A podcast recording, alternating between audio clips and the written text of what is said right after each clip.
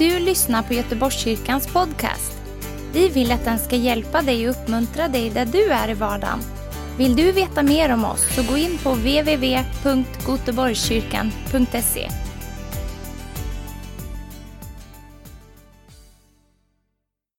Fantastiskt att få träffas igen, att få samlas i Guds hus till gudstjänst, att få möta Gud tillsammans med alla de heliga, att få lovsjunga tillsammans.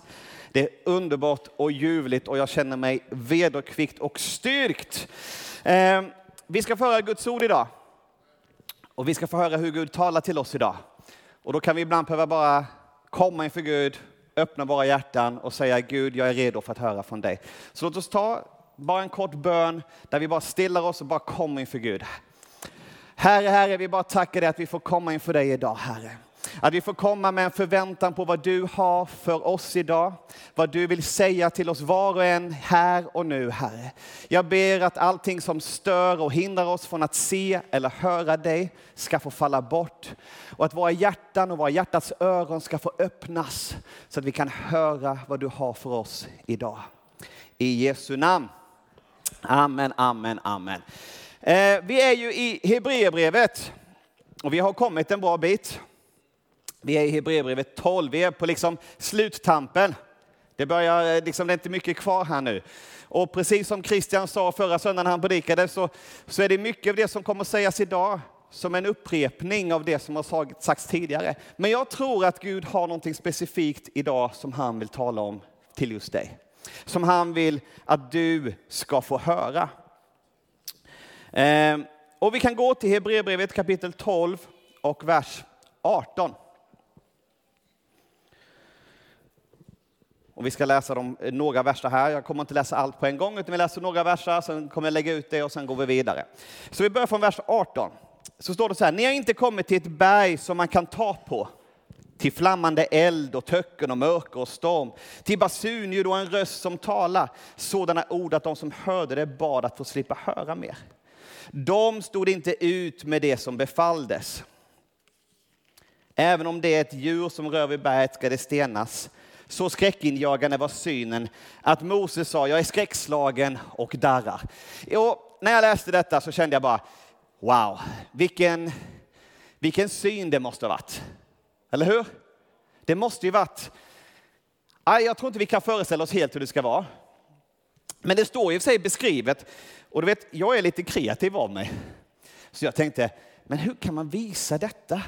Hur kan, hur kan vi åskådliggöra vad det var som hände där på Sinai berg när Gud steg ner och gav lagen? Så jag gjorde ett videoklipp. Och det tänkte jag att vi skulle ta här nu. Och jag kommer läsa ifrån Andra Mosebok 19 ovanpå detta. Så om vi kan eh, sänka kanske ljuset någonting, går det? Eller kanske är redan sänkt. Eller så drar vi bara på det. Får vi se om det kommer ett klipp här.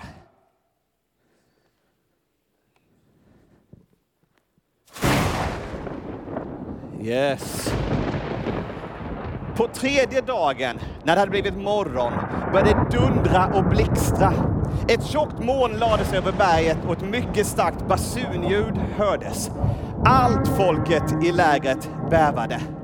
Men Mose förde folket ut ur lägret för att möta Gud och de ställde sig nedanför berget.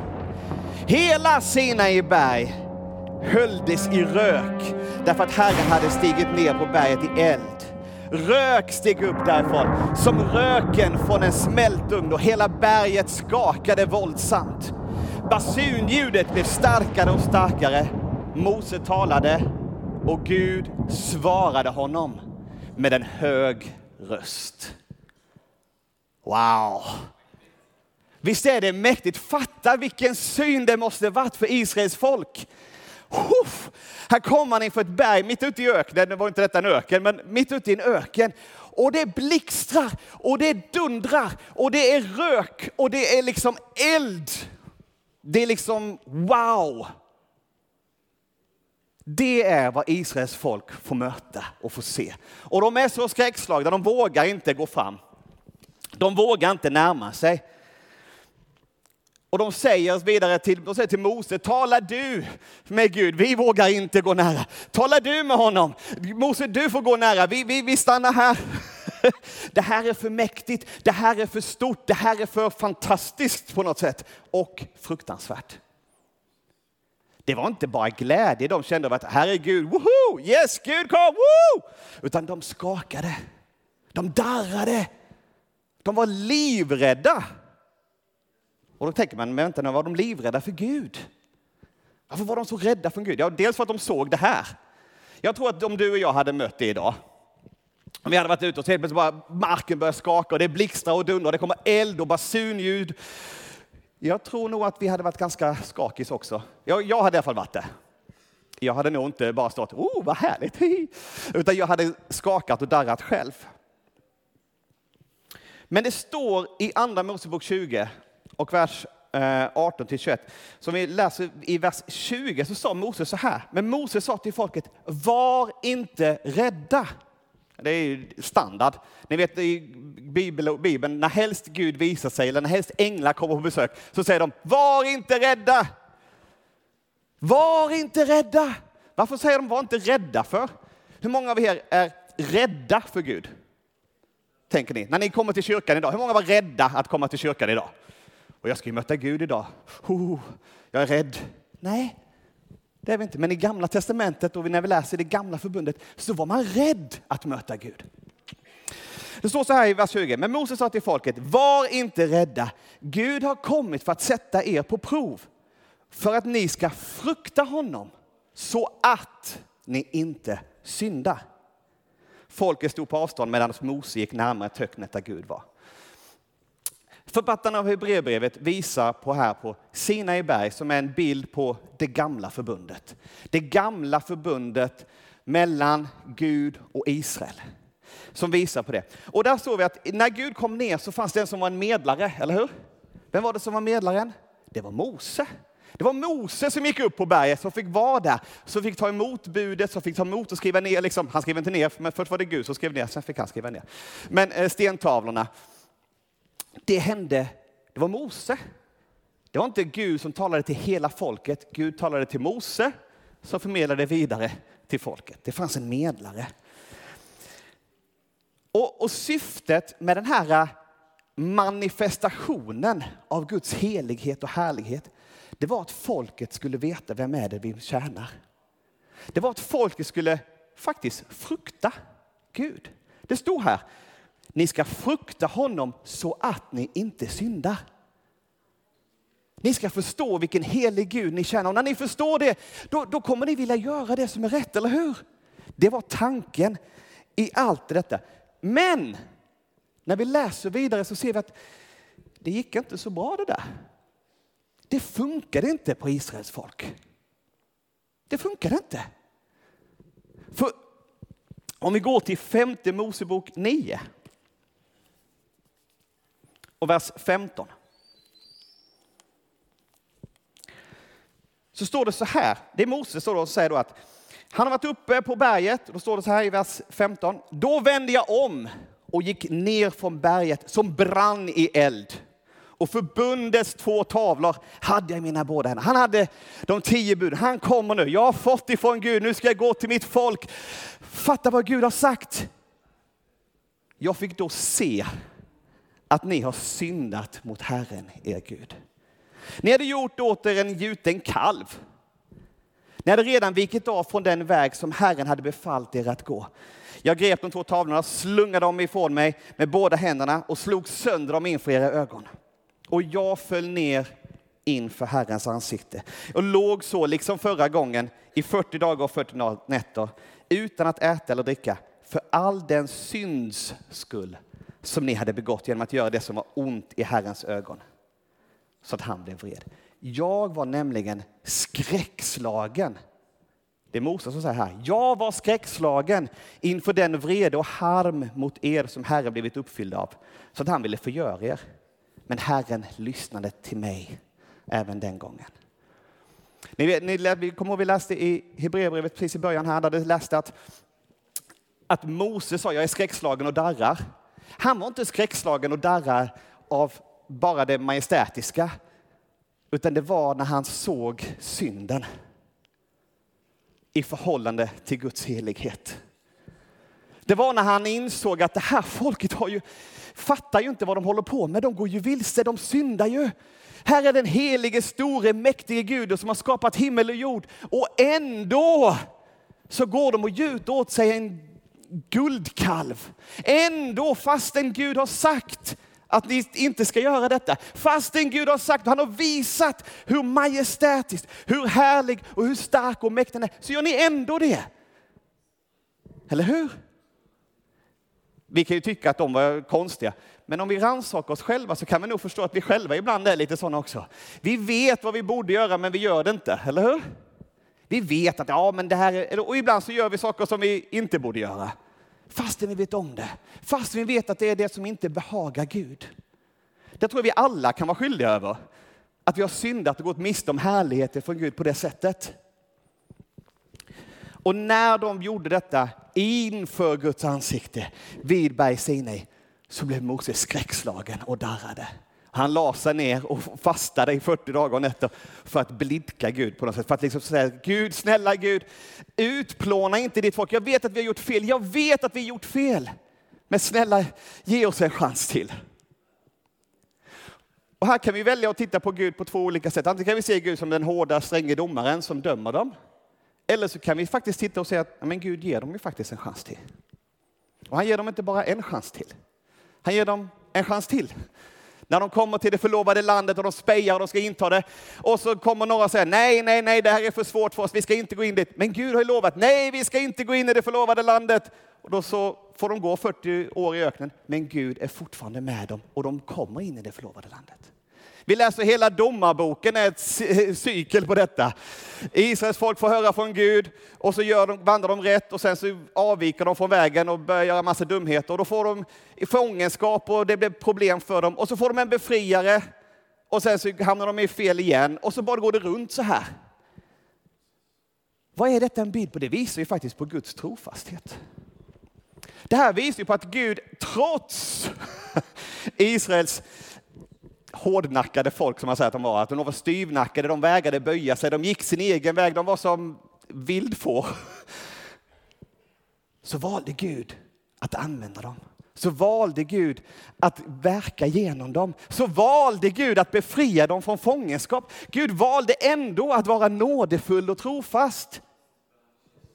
Och han är nådefull och trofast, men han är också den skräckinjagande guden som går ner på berget och allting skakar. Det är också Gud. Det är inte två olika gudar. Det är samma. Det är samma Gud. Lika helig som Gud var då är Herren idag. Lika liksom, stor och väldig och majestätisk och helig som han var när han steg ner på berget, det är han idag. Det är inte någon skillnad på Gud. Ehm. Så trots att Israel hade sett allt detta och visste vem Gud var, hade till och med fått budord och fått lagen och fått alltihopa, så lyckades de inte följa och leva efter det. Det som jag sa alldeles nyss, att ni ska frukta Gud så ni inte syndar, det hjälpte inte. Och det går inte för oss heller. Fruktan kan inte driva oss till att följa Gud. Fruktan får oss inte, det kan hjälpa oss i en liten stund. Jag, du vet, förr så pratade man om att man skulle skrämma människor till himlen. Man skulle tala om hur, hur eh, liksom fruktansvärt helig Gud var, hur, hur hård domare han var mot synden så att man minsann skulle bli rädd och, följa, och så därmed följa Gud. Nej, det funkar inte. Det testade hela Israels folk och det gick inte. Fruktan driver oss inte. Utan Kristi kärlek driver oss, står det i Guds ord. Kristi kärlek, det han har gjort, är det som driver oss, inte fruktan. Eller hur? Så om vi då läser vidare i Hebreerbrevet, för det, det, var ju, han sa nej, ni har inte kommit till ett sånt berg. Vi har inte kommit till ett sånt berg. Vad har vi kommit till då? Halleluja, det här är underbart. Vad har vi kommit till? Det står i vers 22 i Hebreerbrevet 12, 22. Nej, ni har kommit till Sions berg och den levande Gudens stad, det himmelska Jerusalem. Till änglar i mångtusental, till en festgemenskap. En församling av förstfödda som har sina namn skrivna i himlen. Till Gud som är allas domare och till andarna av rättfärdiga som nått fullkomning. Ni har kommit till det nya förbundets medlare, Jesus. Och det renande blodet som talar starkare än Abels blod. Wow, vilken kontrast va? Ni så kommer ihåg bilden fortfarande av, av blixtar och dunder och skakande och eld och rök och alltihopa. Det är inte det vi har kommit till. Vi har kommit till det himmelska Jerusalem. En stad med gator av guld. Änglar i mångtusental. Vi har gemenskap med änglar, vet ni det? Änglar finns, det är inte bara liksom, det är inte, de här bebisänglarna som man ser på bilder, utan änglar finns, de är verkliga. De finns här, de finns i himlen, de finns och verkar. Vi har gemenskap. De kan tala till oss, vi kan möta dem.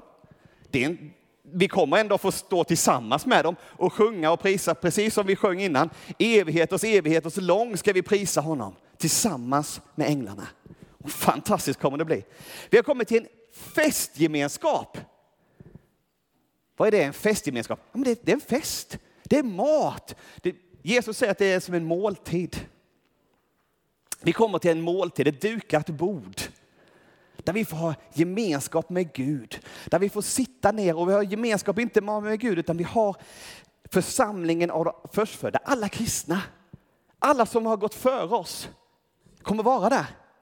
Vi kommer träffas tillsammans och ha en gemenskap och ha en innerlig ljuvlig måltid tillsammans. Vi kommer att festa i himlen. Vi kommer inte darra och skaka och vara rädda och gömma oss och lägga oss ner skräckslagna. Vi kommer ha fest i himlen. Wow! Vi kommer ha Gud som är där. Han är domaren av alla. Han är fortfarande domare. Det är samma Gud som den guden som steg ner på berget. Det är inte någon skillnad på honom. Men det som är skillnad är att vi har en annan medlare. Vi har inte längre Mose som är en ofullkomlig människa som medlare. Vi har inte längre liksom getars och bockars blod som är liksom det som ska täcka, utan vi har ett annat blod. Vi har Jesu blod som täcker all vår synd, som renar oss från all orättfärdighet, renar oss från all synd. Det har vi! Och därför så får vi något helt annat när vi kommer inför Gud. Vi blir också dömda. Ja, vi blir dömda när vi kommer till himlen. Ja, det blir vi. Allting vi gör, allt vårt verk kommer liksom dömas, men vi kommer bli friköpta, fridömda. Om man säger så. Vi kommer dömas som att ni är fria. Synden är betald, priset är betalt. Jesus har gjort det, ni behöver inte vara rädda. Ni behöver inte vara oroliga längre. Det finns ingenting som någonsin kan skilja oss från Guds kärlek. Ingenting, för Jesus har gjort allt. Visst är det fantastiskt? Det är vad vi har kommit till. Wow! Känner ni hur det liksom någonting händer på insidan när man börjar prata om detta? Att det är, dit, det är det vi har. Det är det här. Det är inte den skräckinjagande guden som jag ser, utan jag ser friden. Jag ser kärleken, jag ser nåden, jag ser trofastheten, jag ser hans kraft och mäktiga hand. Jag ser allt detta och det leder mig att vandra på vägen framåt med honom. Jag drivs inte av fruktan, jag drivs av Kristi kärlek. Wow, vilken kontrast! Det här är det han säger, det är samma Gud dock. Och det är viktigt att komma ihåg, det finns de som målar upp de här bilderna som att det nästan blir två olika gudar. Man säger att i gamla testamentet då var Gud hård och han dömde. Det var en Gud som var dömande och hård och, och straffande och, och, och, svår att närma sig. Och sen i nya testamentet, ja men då är det kärlek och lullull och dans. Och så. Fel. Det är fel. Det är en och samma Gud. Det är en och samma Gud. Han är fortfarande lika helig. Han är fortfarande lika fruktansvärd. Om man säger, om vi ser honom i hans storhet och helighet. Han är fortfarande detta. Men vi har något filter mellan oss. Och det filtret är liksom inte något som, som lätt kan suddas bort, utan det är Jesu blod som är filtret. Vad Jesus har gjort. Som gör att vi får inte, drabbas inte av den kraften, om man säger så, som är i hans helighet. För vi är fria. Men hade vi kommit inför Gud i vår egen kraft, utan Jesu blod, så är det samma Gud vi får möta. Det är samma Gud. För alla de som, som inte tar emot honom kommer få möta den guden. För det är det man får möta, det är hans helighet. Hans väldighet. Och då finns ingen människa som kan mäta sig eller hålla måttet. Men för oss, vi har kommit till någonting annat. Vi har fått tagit del av Jesu försoning och Jesu, Jesu seger. För det är så här, om vi läser vidare, vers 25, så står det så här. Se till att ni inte avvisar honom som talar. För om de inte kom undan som avvisade honom när han varnade dem här på jorden, hur ska då vi göra det om vi vänder ryggen åt honom som varnar oss från himlen? Här talas det ju om att de i Gamla Testamentet, de fick höra Guds ord, eller hur? De fick det nedskrivet, de fick Guds ord, men de valde att inte lyssna på det och gå sin egen väg. Och tittar man på konsekvenserna för de människorna som gjorde det, så dog de. Läser vi Guds ord så dog de. De som, inte, som var tveksamma till att gå in i det förlovade landet, som stod emot, de dog i öknen tills nästa generation fick träda in i landet. Konsekvensen blev stor. Eller hur? För de som inte lyssnade då. Hur mycket mer blir konsekvensen om vi inte tar emot Jesus idag? När vi en dag kommer, som det står vidare här, den gången fick hans röst jorden att skaka. Men nu har han lovat och sagt att än en gång ska jag skaka inte bara jorden utan också himlen, alltså allt skapat, himmel, alltså universum. Allting kommer skakas. Och orden än en gång visar att det som skakas kommer försvinna eftersom det är skapat. För att det som inte kan skakas ska bestå. Det kommer en dag där allt kommer puts försvinna. Det kommer skakas bort och försvinna. Och då, om vi inte har våra namn skrivna i Livets bok, så kommer vi också förgås. Man kommer gå evigt förlorad. Det finns en dom för den som vandrar i synden och som inte lyssnar på Guds ord och följer Jesus Kristus. Ta emot Guds ord som är Jesus. Det är en konsekvens, den yttersta konsekvensen, som är sann. Vi predikar inte ofta om det här. För det handlar inte om att skrämma folk. Och det är viktigt, jag vill inte skrämma någon här nu att de ska åh, så här. Men det är en sanning. Det, är, det finns en dom i slutet. Men för oss som har tagit emot Jesus så har vi fått någonting, ett rike som består, som inte kan skakas. Vi kommer ha våra namn skrivna i Livets bok. Och det finns ingenting som kan sudda bort det namnet. Då vet vi att vi är friköpta. Och det är det som driver oss. Vissheten om att vi vet vem vi tjänar. Vi vet vem Gud är och vad han har gjort för oss. Därför följer vi honom. Vi kommer såklart också skakas. Det står i, i första Korinthierbrevet att vi ska bygga. Vi ska tänka på hur vi bygger, det vill säga hur vi lever våra liv. Så att vi inte gör massa saker som bara är strö, halm, hö, världsligt. För det kommer, precis som det står här, allt kommer skakas och försvinna. Och vi vill bygga med det som består. Det som är andligt, det som är av Gud, det som hör till Guds rike. För gör vi det så kommer det förstå, ge frukt i evigheten.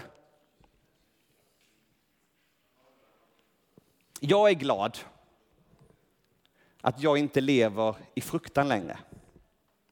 När jag var ung, tonåring, så hade jag en felaktig bild av vem Gud var. Jag hade gått i söndagsskola, jag hade lärt mig mycket om Gud. Men min bild av Gud var att men Gud dömer synd. Och Gud vill att man ska leva rätt och gör man inte det så blir Gud arg på en. Och jag måste leva rätt och göra det som är rätt för då kommer jag komma till himlen. Det var min bild, den hade jag fått i kyrkan. För jag hade inte förstått. Jag hade inte förstått vad det egentligen handlade om. Och jag tror att det kan ibland vara så att vi tror att vi måste göra det själva. Att vi måste försöka det själva. Att vi ska liksom försöka leva upp till det. Eller att vi är rädda. Vi tänker att ja, men om jag inte går till kyrkan idag, då kommer inte Gud välsigna mig.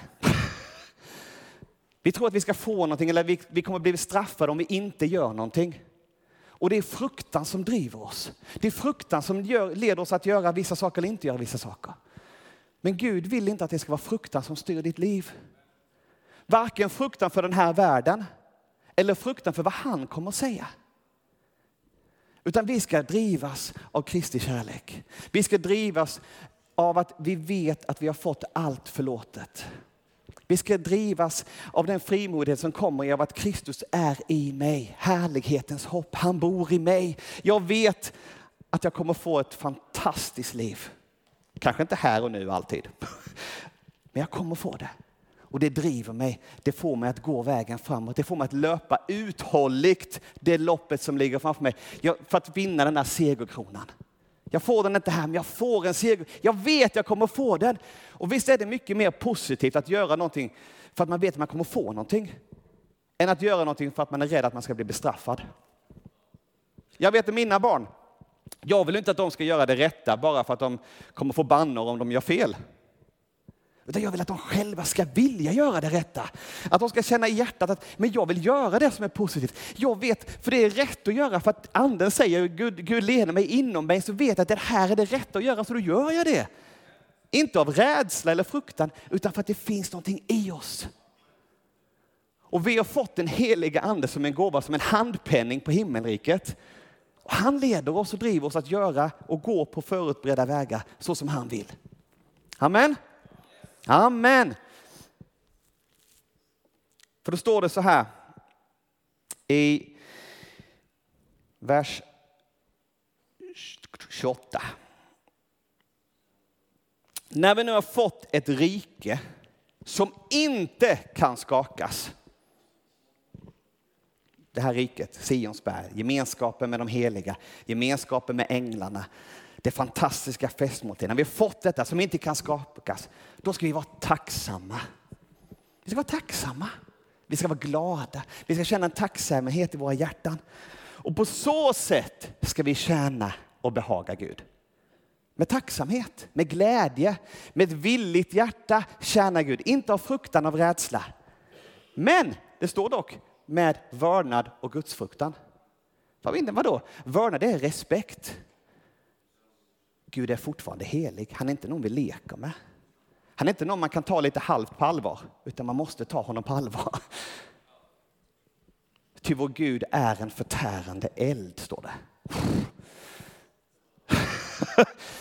Och det låter kanske inte så positivt, men det han, renar, det han tar bort det är allting som är orent. Han tar bort allting som inte är heligt. Allting som inte är av hans rike kommer förstöras. Eh, lovsångarna, ni får jättegärna komma upp.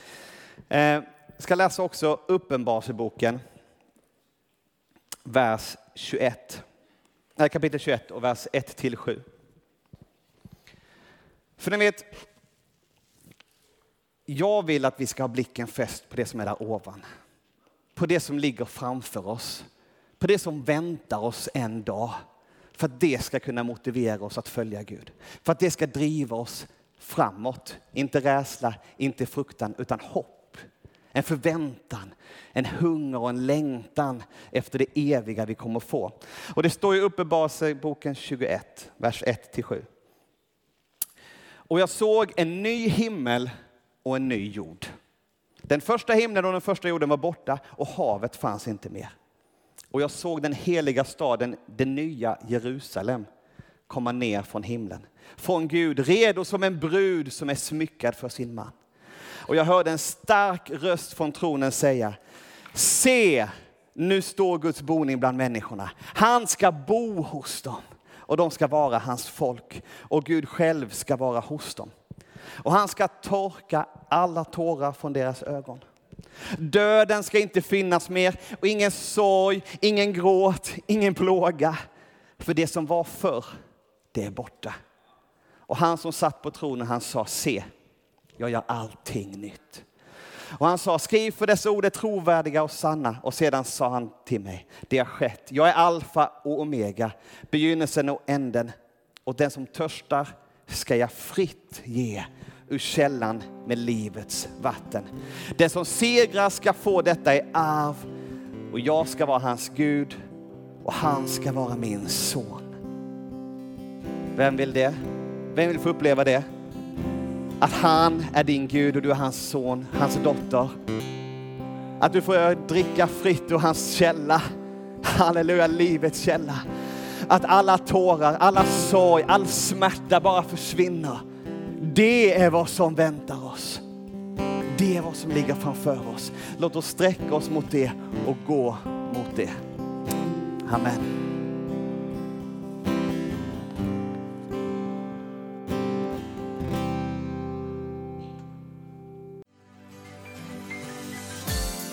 Tack för att du har lyssnat.